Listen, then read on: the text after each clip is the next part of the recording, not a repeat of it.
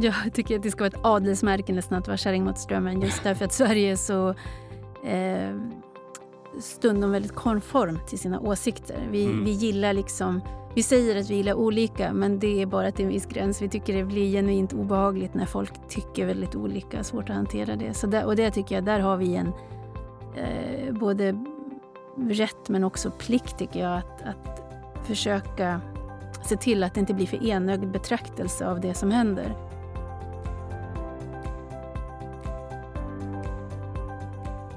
Välkommen till ett eh, nytt avsnitt av Konkurrenskraft. Podden där vi pratar om eh, framtidens beslutsfattande, verksamhetsstyrning och eh, ledarskap. Jag heter Robin Askelöv och är marknadschef på Hypien som ger ut den här podden. Och Hypien, det är ett techbolag där vi brinner för just beslutsstöd och verksamhetsstyrning. I de här samtalen så vill vi ju testa nya vinklar på hur vi som beslutsfattare kan bli bättre rustade inför framtiden. Det gör vi genom att träffa intressanta människor med spännande erfarenheter och eh, perspektiv. Och den här gången ska vi prata om åsikter, påverkan och eh, politik. Och då med en person som lever mitt i den här världen. Hon tillbringar dagarna med att just analysera, tycka och tänka. Och jag pratar om eh, Tove Livendal, politisk chefredaktör på Svenska Dagbladet. Varmt välkommen! Tack så mycket Robin. Hur står det till med dig? Det är bara bra. Ja, kul att, att ha dig här. Vi sitter faktiskt i en studio tillsammans. Jag vet att ni som hör till Schibsted, eh, ni, eh, ni jobbar i princip bara hemma just nu.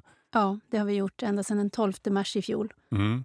Ja, nej, det känns lite, lite spännande att få sitta i samma studio, dubbelvaccinerade som vi är båda två. Ja, vi håller armlängds avstånd. Ja, precis.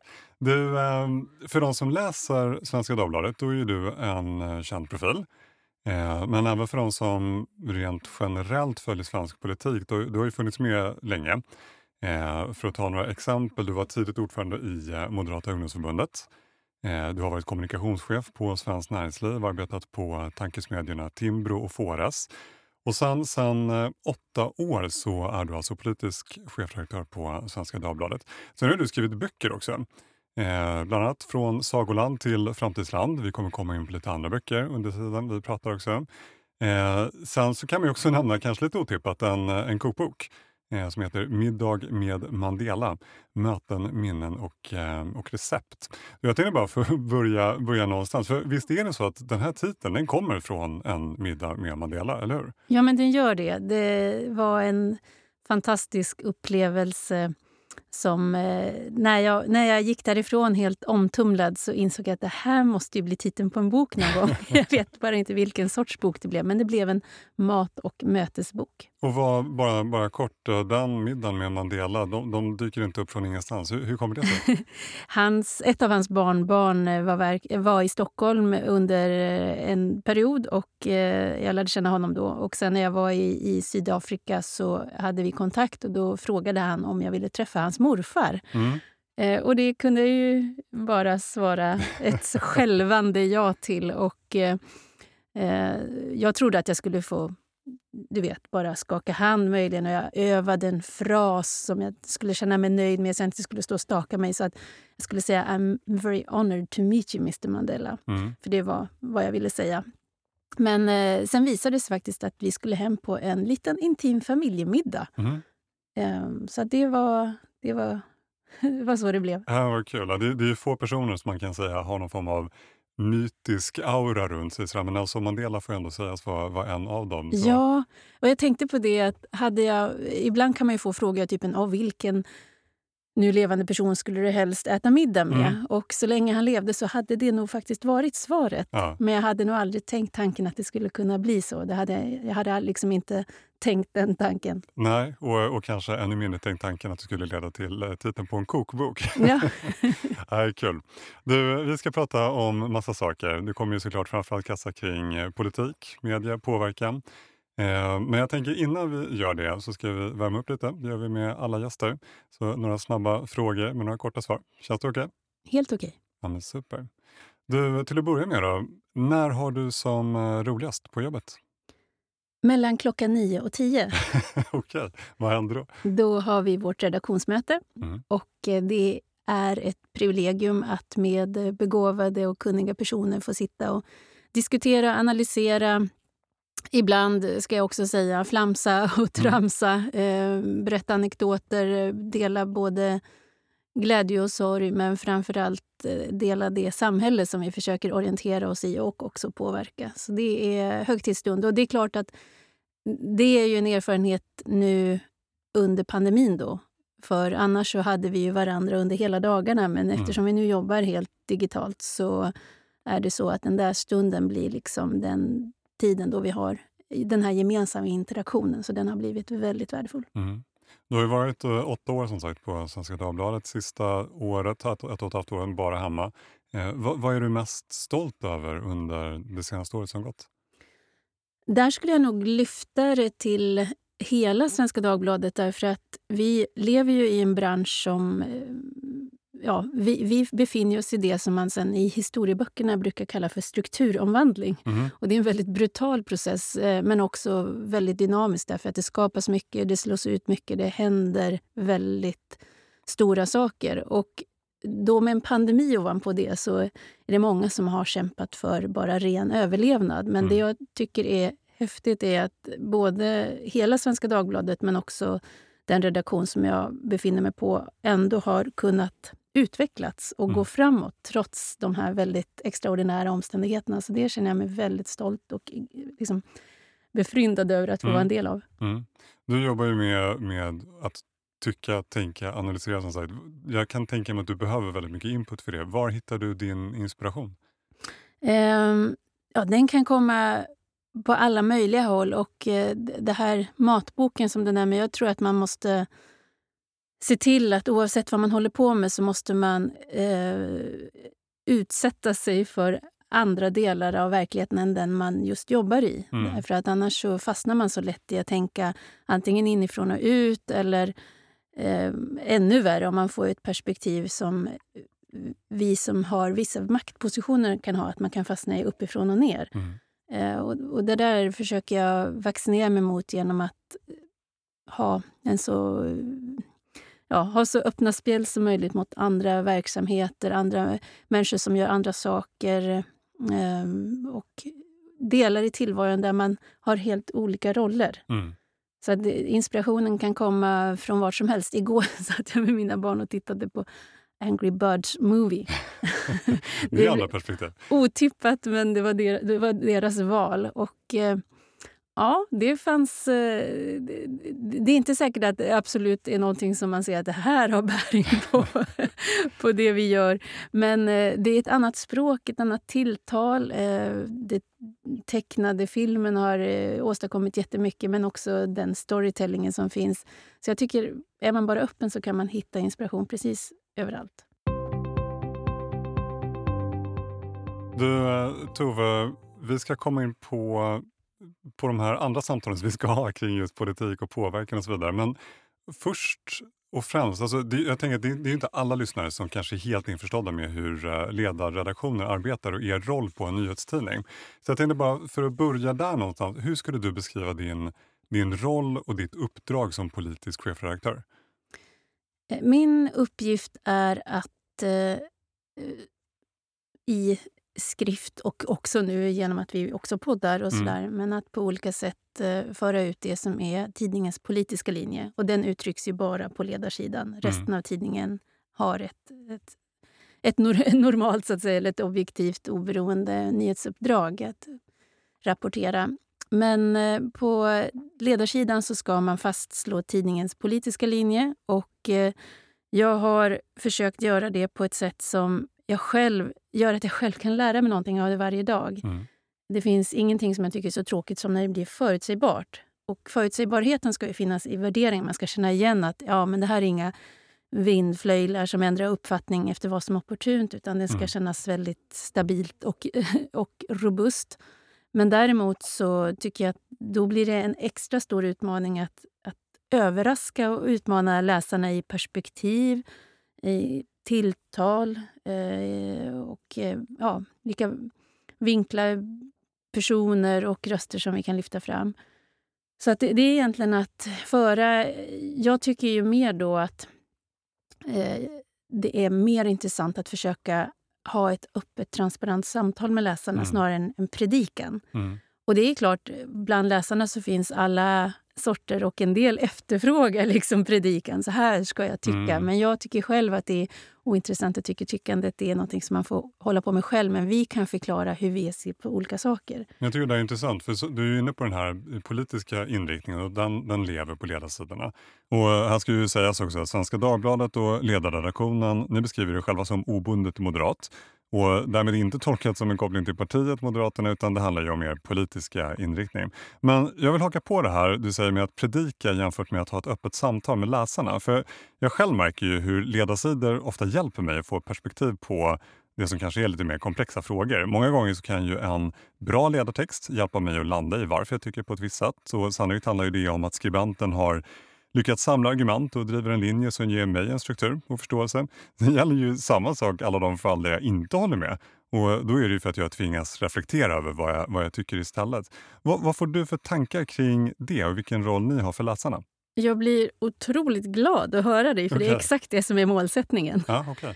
att, eh, vi hade någon kampanj för några år sedan som hette Hur formar du dina tankar? Och det är ju den roll som inte bara ledarsidan utan hela svenskan vill ha. Att Vi vill inte predika och säga så här ska du tycka eller vi gör tyckandet och tänkandet åt dig. Men vi kan hjälpa dig på vägen. Att mm. Genom att just eh, ställa i ordning och, och försöka som, kanske ibland ge det här helikopterperspektivet på hur de eh, konfliktlinjerna ser ut eh, så kan du få stöd i din egen process. Men du får ju själv... Jag har, jag, och det är väl det som gjorde att jag kände att partipolitik är... Jag har ju varit inne i det men bestämt mig för att jag inte... Eh, det är inte min sfär. Och det är för mm. att jag har inget behov av att du måste tycka som jag. Men, men däremot så, så kan jag känna att det är en stor drivkraft att kunna ge dig någonting som får dig att tänka precis som du gör. Att, ah, nu fick jag liksom... Eh, ibland kan det vara så den finaste, de finaste typen av eh, beröm kan ju vara antingen att man eh, har fått någon att tänka om på ett annat sätt. Mm. Men ibland kan det också vara det att ah, du sätter ord på någonting som jag har gått och funderat på men inte riktigt kunnat formulera. Mm. I båda lägena så är det ju en eh, jättefint beröm till att ja, men då kan vi vara till nytta för andras tankeprocesser. Du eh, har ju både levt mycket i politiken men du har också varit chef och de världarna kan ofta vara ganska åtskilda. Mitt intryck är att svenska chefer inte brukar vara så superaktiva med politiska utspel. Och I andra länder så kan det vara, vara vanligare. Man frågar till dig där, borde chefer i Sverige bli mer politiska? Det beror på var de är chefer någonstans. Mm. Är du chef för en offentlig myndighet så får ja, du... Precis, det är lite olika. Men eh, jag skulle säga att det beror på var man är chef och hur ens uppdrag ser ut. Och, eh, på vissa håll så tror jag att det kan absolut vara befriande om du kan vara tydlig med att man kan skilja på, på, på jobb och fikarast kanske. Mm. Och där tillåtas att bli mer, ha öppet i tak och sådär. Men då gäller det att du kan stå för den principen även när du plötsligt har väckt upp någonting som du inte alls tycker är sympatiskt. Mm. Eh, det finns ju det här vi pratar jättemycket om mångfald och eh, i det offentliga samtalet så handlar det tyvärr ofta bara om den här yttre mångfalden. Att vi tycker det är lite en del tycker att det är bra om folk har olika pigment, liksom, för då har man mm. mångfald. Mm. Men det säger ingenting mm. om eh, till exempel vilken typ av åsiktsmångfald du tillåter. Och eh, när det gäller att få ett lag att dra åt samma håll så måste du ha, då kan du inte ha för stor mångfald i hur man ser på, på vägen framåt, för då mm. kommer du mm. inte framåt. Eh, så det där begreppet är så slarvigt och behöver just dissekeras. man behöver diskutera vilken sorts mångfald vill vi mm. ha och hur åstadkommer vi den. Och, eh, det finns ju alltid... Sen är det ju också... Inga svenska chefer finns i ett vakuum, utan det finns i den svenska samhällskulturen. Mm. Och där är vi inte så... Generellt har vi inte varit pigga på att eh, lufta politik. Mm. Det, det, blir vi pratar hellre om vädret. Just det. Där kan alla ha en åsikt och det, det, du blir inte bättre eller sämre för du tycker någonting. Men, men just det att outa dina politiska åsikter kan vara jättekänsligt. Och det finns också den här verkligen, ja men kopplat till valhemligheten, du ska inte behöva mm. berätta mm. vad du röstar på. Och sen har det ju också reellt blivit stora konvulsioner på vissa arbetsplatser för att personer har varit öppna med sympati för Sverigedemokraterna. Mm. Och det har ju skapat diskussioner. Kan man ens vara kvar ja, på det här jobbet? och så vidare. Så att det finns ju en... Jag tror att det där är svårt att säga något generellt om, men i en välfungerande eh, demokrati med självkänsla så borde det vara eh, mer naturligt att kunna diskutera politik även på kafferasten. Mm, och nu är vi ju inne på att uttrycka politiska åsikter internt, men sen finns det ju den mer utåtriktade delen. Det som ju kanske då handlar mer om lobbying och, och politisk påverkan. Och där kan det handla om allt ifrån att positionera sig för att bli intressant och få uppmärksamhet, men det kan också vara att påverka lagar och regler som man kanske tycker borde vara på ett annat sätt. Det kan handla om allt ifrån avregleringar till kalkutvinning på Gotland, energitillgången för tillverkande industri och så vidare. Alltså det, det är bara några, några exempel på, på aktuella frågor. Men jag tänker då på en eh, bok du har skrivit. Den heter Ingen kommer undan politiken. Handbok i att förstå och påverka politik. Du skrev den tillsammans med eh, Lena Josefsson som har varit socialdemokrat, socialdemokratiskt kommunalråd i eh, Tyresö. Och boken kom ut för åtta år sedan. Vad, vad skulle du säga är de största skillnaderna idag jämfört med när boken kom ut? Alltså Har saker ändrats eller är, är liksom logiken för politisk påverkan densamma? Jag kan säga, eftersom jag just nu sitter med Lena och eh, uppdaterar den här ah, okay. boken, Intressant. ska jag säga att jättemycket har förändrats. Ja, Annars så skulle vi... det. Så att vi har ganska stora delar att skriva om. Eh, I grunden så är eh, nog villkoren eh, detsamma. Det vill säga att, och vi har inte fått någon, någon liksom, eh, märkbar grad av korruption. Så att, eh, det handlar om att personer som är förtroendevalda ska övertygas om ett eller annat. Och De kan vara mottagliga för argument på olika sätt. Mm. Men det finns eh, eh, förutsättningar för det den processen som har förändrats jättemycket. Och mm. när vi intervjuade ett antal politiker till den boken för åtta år sedan och frågade dem vad tycker ni är den stora förändringen i att vara politiker på säg, tio års sikt? Då sa alla med samfälld liksom, röst mediernas roll. Mm. Det tyckte de var jättestort. Och jag kan ju se den förändringen, för jag har också varit aktiv under den tiden i samhällsdebatten. att Från att eh, eh, ja, väldigt mycket medierna har fått komma till politiken och fråga så är det nästan tvärtom. Att maktförhållandet däremellan har förskjutits. Att mm. Nu är det medierna som har det mest åtråvärda och politikerna står på kö för att synas och höras. Och mm. sådär. Det finns ett ömsesidigt beroende, men jag skulle säga att det har blivit en, en, en maktförskjutning.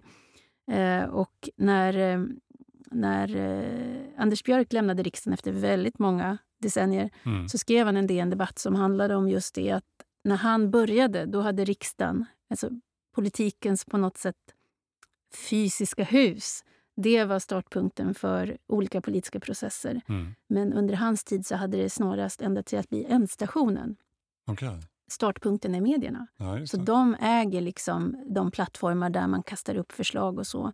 Och jag tror att det är någonting som vi på sikt kommer att analysera. Och statsvetarna kommer att mm, vara upptagna mm. med det. Att fundera på vad, vad händer när medierna så mycket kan eh, påverka inramningen för mm. politikens verksamhet. Så det har förändrats och ovanpå medierna då, om man tänker sig bara åtta år senare sen vi skrev boken, så är ju de sociala mediernas närvaro absolut skulle jag säga en stor påverkan. Och det handlar inte om att svenska folket alla finns i sociala medier utan att så stor del av, av de beslutande eliterna finns där mm, och påverkas och finns i den miljön som i sina bästa stunder är liksom en frimodig, högt i taket diskussion men mm. desto oftare blir en, en grälsjuk gyttjepöl där mm. människor förnedrar sig mm. och gör sig sämre än vad de är. Eh, och det tror jag tyvärr påverkar eh, som förutsättningarna för politisk påverkan. Att många känner sig eh, ja, påverkade av det som sker i sociala medier. Du eh, nämner ju medias roll och här är vi inne på beslutsprocesser. Och jag tänkte vi ska borra lite mer i det, ta in just medias betydelse. När man fattar beslut då spelar ju både fakta och känsla in och känslan, eller hur man tolkar fakta, påverkas ju av ens värderingar, hur man ser på världen. Och där har ju media såklart en jätteviktig roll. Den beskriver ju vad många, om inte annat, upplever som verkligheten. Och det påverkar såklart vår känsla för rätt och fel, vad som är politiskt korrekt och över tid också värderingar. Hur ser du på, på den makten som, som media har i det sammanhanget och hur bra jobb tycker du att media gör? Medierna har jättestor makt just utifrån det här perspektivet som var inne på att man sätter så mycket inramningen. Mm.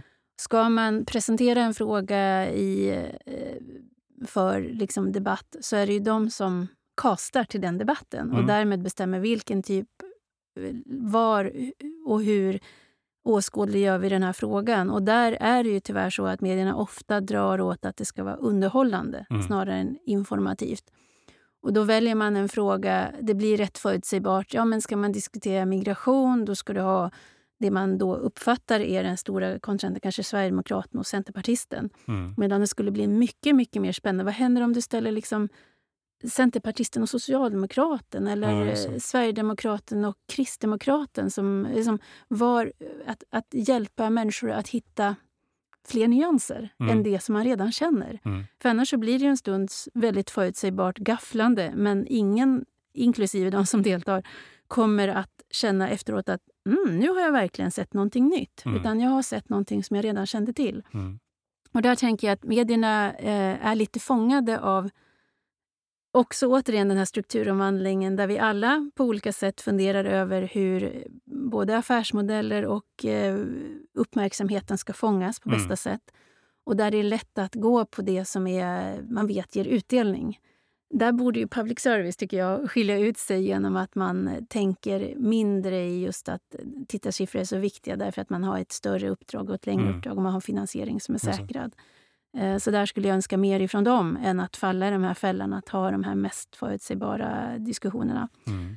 Så att jag tycker väl svaret på frågan hur de sköter sig är so-so. Eh, jag tycker inte någon, eh, min egen publikation inkluderad, gör så bra som det bara går. Utan Mm. jag tror att man alltid kan bli bättre. Och jag tror att framväxten också av alternativa medier är bra. Inte för att de gör, i mitt tycke gör bra saker, men för Mm. att de innebär konkurrens. Ja. Och de tvingar etablerade traditionella medier att fundera på okej, gör vi det verkligen så bra som vi kan? Kan vi motivera att människor ska betala eller lä- lägga tid på oss? Och varför gör vi ibland andra publiceringsbeslut än alternativ Mm. media som ju ofta profilerar sig genom att säga att vi, vi har verkligen sanningen. Och, de, och det, det, det kanske är så. Jag tror att det finns marknad för båda delarna men det tvingar fram en vakenhet som Mm. är jättenyttig. För att det värsta som finns är liksom självgoda medier som känner att oh, vi är så viktiga. Och det är, det, medierna är viktiga, men, Mm. men det finns absolut ingenting som, eh, som, som inte kan bli bättre. Och dessutom så sker det här också i en tid, och det här är svårt att veta vad som är hönan och ägget, men där känsla trumfar fakta väldigt mycket, apropå Mm, din mm. fråga. Och där vi också är inne i en tid när, som driver åt det väldigt narcissistiska hållet. Att det är Mm. väldigt mycket jag och det är mina känslor som är viktiga. Och att ministrar inte i första hand liksom säger vad exakt politiskt har du för förslag åt här, utan Mm. hur känns det? Ja, Ja, det är helt irrelevant vad ett statsråd känner eh, i, som, som väljare. Mm. Som medmänniska så kan jag ju kanske tycka att det kan vara intressant och det kan jag läsa memoarer eller en personlig intervju. Men någon som har makt och Mm. eh, befogenheter ska i första hand tillfrågas om just detta. Men du, vilken roll ser du att ni på ledarredaktionen har här? För jag, jag upplever att ni ofta blir lite av en, en röst från sidan. Och bara som ett exempel, när, när Stefan Löfven tvingades avgå innan sommaren och nästan alla medier då skrev om hotet om ett extraval, risken för ett extraval. Då minns jag att du var en av dem som i en ledare påpekade att eh, extraval ju faktiskt är en fullt naturlig del i en fungerande demokrati och ingenting som egentligen ska behöva upplevas som hotfullt. Är det en del av er roll, tycker du, att vara den här rösten som sätter fingret på andra perspektiv? Ja, det tycker jag absolut. Jag, jag, jag tycker att det ska vara ett adelsmärke nästan att vara kärring mot strömmen just därför att Sverige är så eh, stundom väldigt konformt till sina åsikter. Vi, Mm. vi gillar liksom... Vi säger att vi gillar olika, men det är bara till en viss gräns. Vi tycker det blir genuint obehagligt när folk tycker väldigt olika. Svårt att hantera det. Så där, och det tycker jag, där har vi en eh, både rätt men också plikt, tycker jag, att, att försöka se till att det inte blir för enögd betraktelse av det som händer. Sen hänger det där ihop också, just det där med hotet om extraval. Det hänger ihop med mediernas generella oförmåga att hantera osäkerhet. Mm. Eh, och när man har en osäkerhet och inte kan omsätta den i en väldigt definierbar risk, då kan medierna löpa amok. då kan det bli som det här gamla akrylamidlarmet när chips skulle leda till cancer. Och läste man det finstilta bakom de braskande rubrikerna så skulle man väl behöva trycka i sig ja, 20 kilo chips om dagen, jag vet inte, mm. men för att få den här förhöjda risken. Och då har man ju dött av nåt annat mm. innan, mm. innan den cancern slår till. Så det, det är en, där finns en återkommande oförmåga att hantera osäkerhet och då blir det ofta hot i stora svarta bokstäver. Mm. Och då riskerar man ju att faktiskt göra folkupplysningen otjänst. Att just i det här fallet att presentera någonting som ett hot som är en konstitutionell möjlighet i ja, de situationer då det inte går att komma fram någon annan mm. väg. Du, du nämnde ju sociala medier tidigare. Och eh, de går ju inte att komma bort ifrån här såklart. De senaste 10-15 åren så har ju sociala medier etablerats som, lite beroende på hur man ser det, komplement, ett hot, en möjlighet för traditionella medier. Och eh, där uppstår ju det som enligt många kallas då filterbubblor. Eh, och, och, och, det man tänker om dem det är just att de har en stark påverkan i, i just hur man bildar sig uppfattningar, i förlängningen vilka beslut vi fattar. Och då pratar man om det här fenomenet att algoritmerna ger oss mer i vårt flöde och det vi redan tycker och tänker vilket förstärker oss i våra åsikter snarare än att ge oss andra perspektiv. Men då minns jag en text du skrev i våras där du lyfte fram argument mot att fil filterbubblor ens existerar. Kan, kan, du berätta mer om det? För Det tyckte jag var intressant. Ja, det var ju inte en åsikt egentligen. Utan det var bara en, jag gick till forskningen och tittade på vad vet vi hittills om detta. Mm. Och det, eh, för, för där är så att säga, det här eh, filterbubblorna har blivit en perfekt pusselbit i förklaringen av det som alla älskar att tala om. Nämligen, oh, polariseringen ökar och det är negativt och populismen vidtar och sådär. Ja, jag tror att beroende på hur man mäter polarisering och beroende på vad man, hur man definierar populism så kan man säga att det finns liksom en... Eh, det har, det har, förekomsten har ökat och att partier som har fungerat mer populistiska än andra, för alla mm. partier hemfaller åt detta mm. då och då, att förklara sig stå på folkets sida gentemot någon uttryckt, eh, något uttryckt hot eller överhet. Så det där är de, en del partier som oh, det här är populistiskt, så tar det tre veckor så kommer jag med något utspel som man faktiskt skulle inte kunna känna teckna på något annat mm. sätt.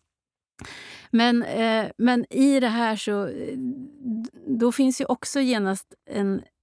Eh, det upp, alltså, det finns idéentreprenörer som ser liksom hur ser diskussionen ut och vad efterfrågas. Och så kommer då gärna korta, snärtiga förklaringar. Och filterbubblor har, togs ju in som ett sånt där begrepp som bara det här förklarar allt. Det, det är digitaliseringens fel och nu kommer vi alla sitta inkapslade i vår egen verklighet mm. och vi kommer inte ha någon kontakt med andra.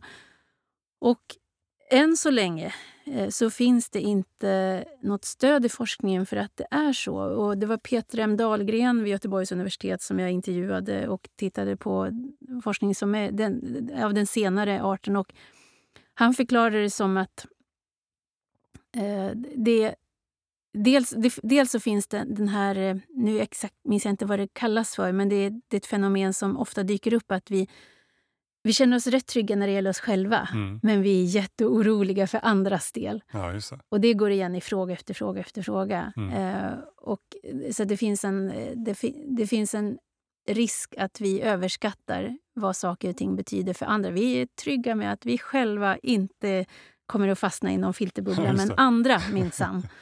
och sen så letar vi efter bevis för att det är så. Mm. Eh, och, men och sen finns det då, jag, jag såg Utbildningsradion hade tagit fram en liten pedagogisk film som barn ska kunna titta på och förstå det här begreppet. Mm. Och då hade man ett alternativ och sa att ja, men säg att du går in och söker på gitarrer, tror jag det var. Och då kommer du att få hitta du hittar saker och sen kommer då algoritmerna se till att du bara exponeras för mycket gitarrgrejer. Mm. Och då var eh, pedagog, pedagogiskt att förklara, men, men då kanske man inte blir varse att det finns fioler eller flöjter eller mm. sådär. Till slut så tror man liksom att hela världen är liksom mm. gitarrer. Och sen avslutas det dramatiskt med, men tänk om det vore så när det gäller ja, nyheter eller rapportering. Ja, ja. Och även ett barn tror jag kan förstå att du kan bli helt besatt av gitarrer men du kommer inte att förneka existensen av flöjter och pianon för det. Mm. Och tvärtom så kan man säga att det finns tecken på att även om de algoritmerna fungerar som de gör så, så tycks det inte vara så att vi tappar förmågan att förstå sammanhangen. Och Det finns också, vilket Peter Dahlgren poängterar, det finns en motsägelse mellan teorin om att filterbubblor blir det dominerande sättet vi tar till kunskap och, um, och den här ökade konfliktnivån som vi talar om. För mm. konflikter uppstår ju inte om du bara håller dig tryggt nej, inom din filterbubbla. Nej. Så de två kan inte riktigt vara sanna samtidigt. Mm. Sen, så att det finns... Med det sagt, så, så ja, alla ser hur algoritmerna funkar, så de gör som de gör. Vi har ännu inte sett några tecken på att, att människor eh, alltså, är oförmögna att se någonting annat. Mm. Eh, det fanns också, om jag inte minns fel, tecken på att det till och med kan liksom ha en annan tendens att du ja, du söker och hittar liksom lite mer av det som du inte tänkte att du skulle exponeras mm. för. Mm. Det finns ju en närliggande fråga här på temat eh, politik och beslut. Och den frågan grundar sig i ett debattinlägg som jag läste som jag gärna skulle få ditt perspektiv på. Det var i Dagens Samhälle som eh, partiet Medborgerlig Samling argumenterade för att det finns ett politiskt monopol i Sverige där det är mer eller mindre omöjligt menar de för nya partier att ta sig in. Och eh, utan att värdera eller recensera Medborgerlig samlingspolitik så, så, tycker jag ändå att resonemanget som de hade i just den här debattartikeln var intressant. För i en marknadsekonomi då präglas ju marknaden av full transparens och information så att kunden känner till sina alternativ och att man kan fatta sina egna beslut. Det leder ju till att dåliga produkter över tiden försvinner när bättre alternativ dyker upp. Det, det är ju sen gammalt. Men på den politiska marknaden funkar det ju annorlunda. För till exempel i undersökningar av partisympatier finns nästan bara riksdagspartier som förtryckt alternativ. Den som vill kryssa i ett annat parti måste själv skriva in partinamnet manuellt. Partier som inte når upp till runt eh, 2 redovisas inte i opinionsmätningar.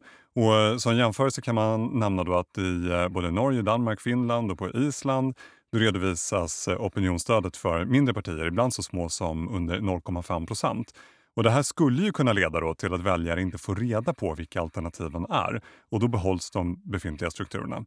Eh, och som sagt, syftet här är inte alls att värna just medborgerlig samling utan mer att resonemanget är intressant.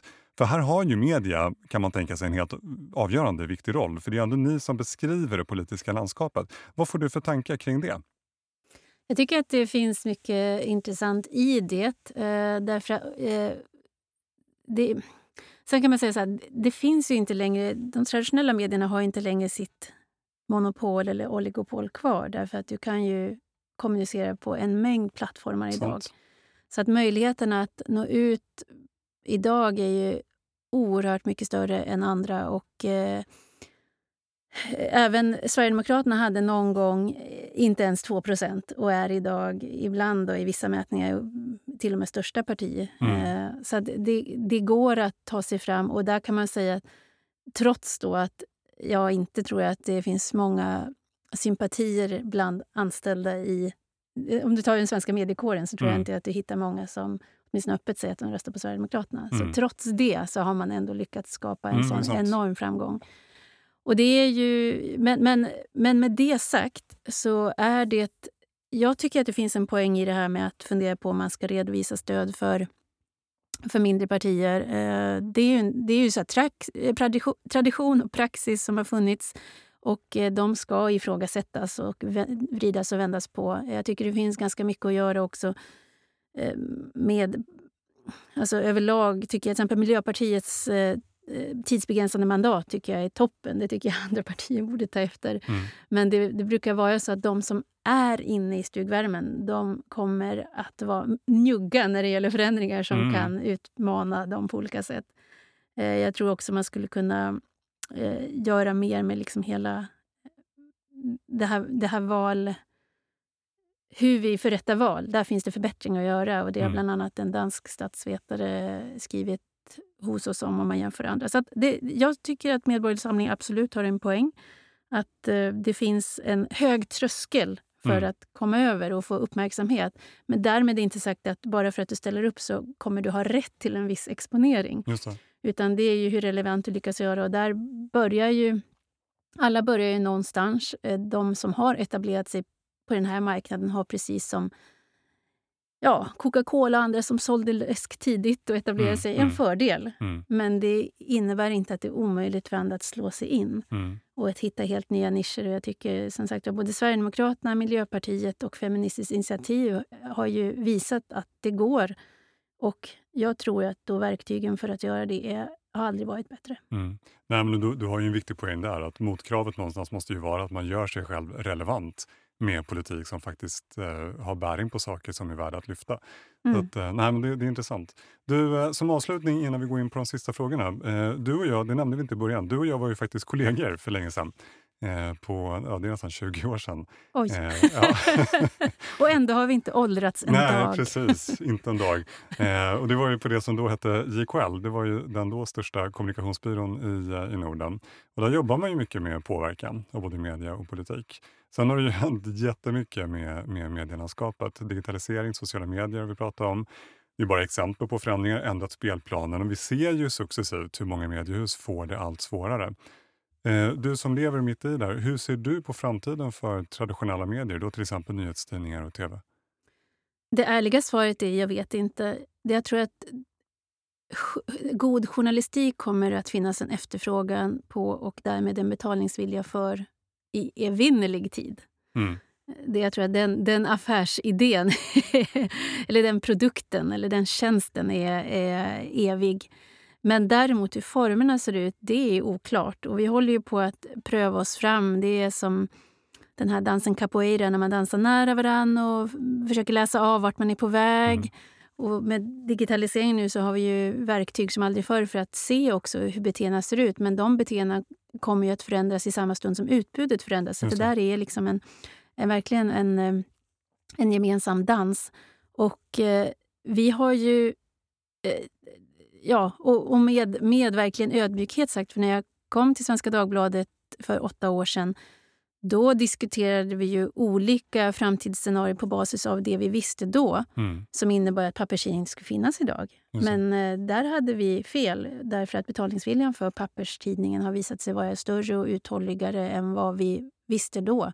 Så nu blir vi alla lite grann som Anders Tegnell. Vi säger det var rätt då. och sen så gör vi om modellerna. Så att oklart hur formerna ser ut. Jag tror det finns en... Eh, det, affärsmodellerna finns där helt klart. Det är bara det att det är ett race nu som pågår om att eh, hitta de mest uthålliga. Mm. Och uthålliga slash eh, förändringsförmögna. Mm.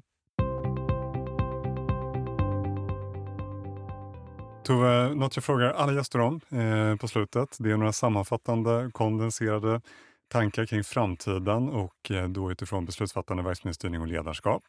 Eh, om man börjar med första frågan, sett från ditt perspektiv, vad skulle du säga är en framgångsfaktor för framtidens beslutsfattande?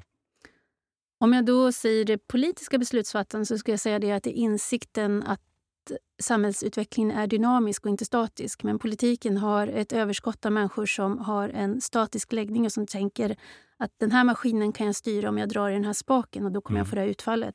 Och sen blir de ständigt överraskade över att verkligheten finns och att den beter sig på ett sätt som man inte kunde förutse då.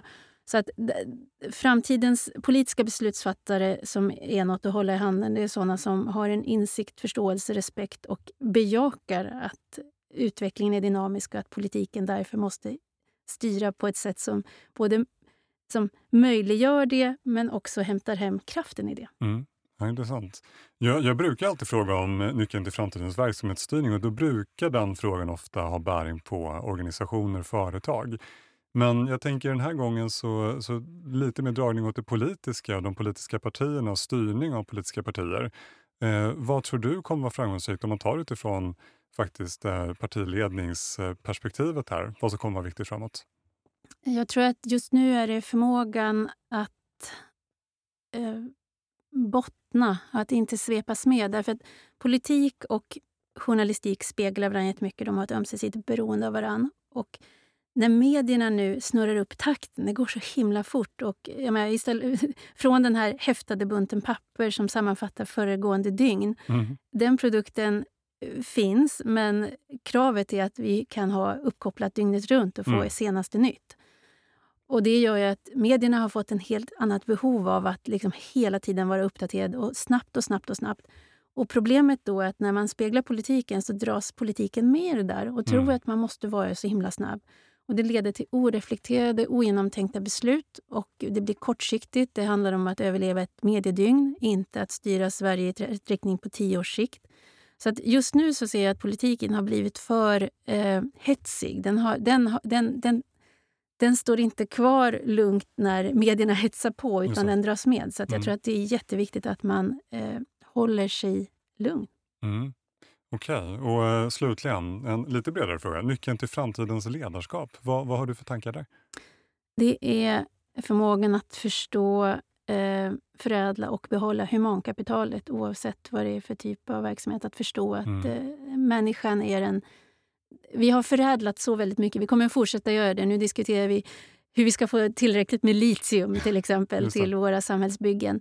Men eh, det fortfarande viktigaste resursen som finns precis i alla verksamheter är humankapitalet. Så förmågan att arbeta med det på det mest begåvade sättet, mm. det är framtidens ledarskap. Och eh, med de orden, Tove Livendal, stort tack för att du var med och delade med dig av dina tankar. Tack för inbjudan. Och eh, alla ni som lyssnar, jag brukar ju alltid försöka tipsa om eh, bra läsning som har med avsnittet att göra. Den här gången har vi pratat en hel del om påverkan och då tänkte jag tipsa om boken The Speed of Trust av Stephen M.R. Covey. Den är några år gammal, den är från 2006, har hittills sålt i över två miljoner exemplar. Men den tar upp ett väldigt viktigt område och det är det här hur man bygger, utvecklar och använder förtroende. Poängen är att det underlättar i alla relationer, vare sig det är på organisations eller individnivå. Det är också grunden för ledarskap, försäljning, påverkan och för den delen också vänskap. Boken innehåller en hel del intressanta modeller och verktyg så jag kan verkligen rekommendera den. Jag lägger ut den i titeln i eh, avsnittets beskrivning. Dessutom tycker jag som vanligt att du ska gå in på Hypegen.se för där hittar du allt ifrån white papers och rapporter till webinars och föreläsningar allt kretsar kring beslutsstöd och verksamhetsstyrning och där finns eh, förstås också mer om marknadens bästa produkt faktiskt för organisationer som vill kunna planera, analysera och styra bättre. Och slutligen, glöm inte att prenumerera för det kommer många fler avsnitt här under hösten. Och eh, med det så rundar vi av avsnittet så stort tack för att du lyssnat och ha en fortsatt riktigt, riktigt bra dag.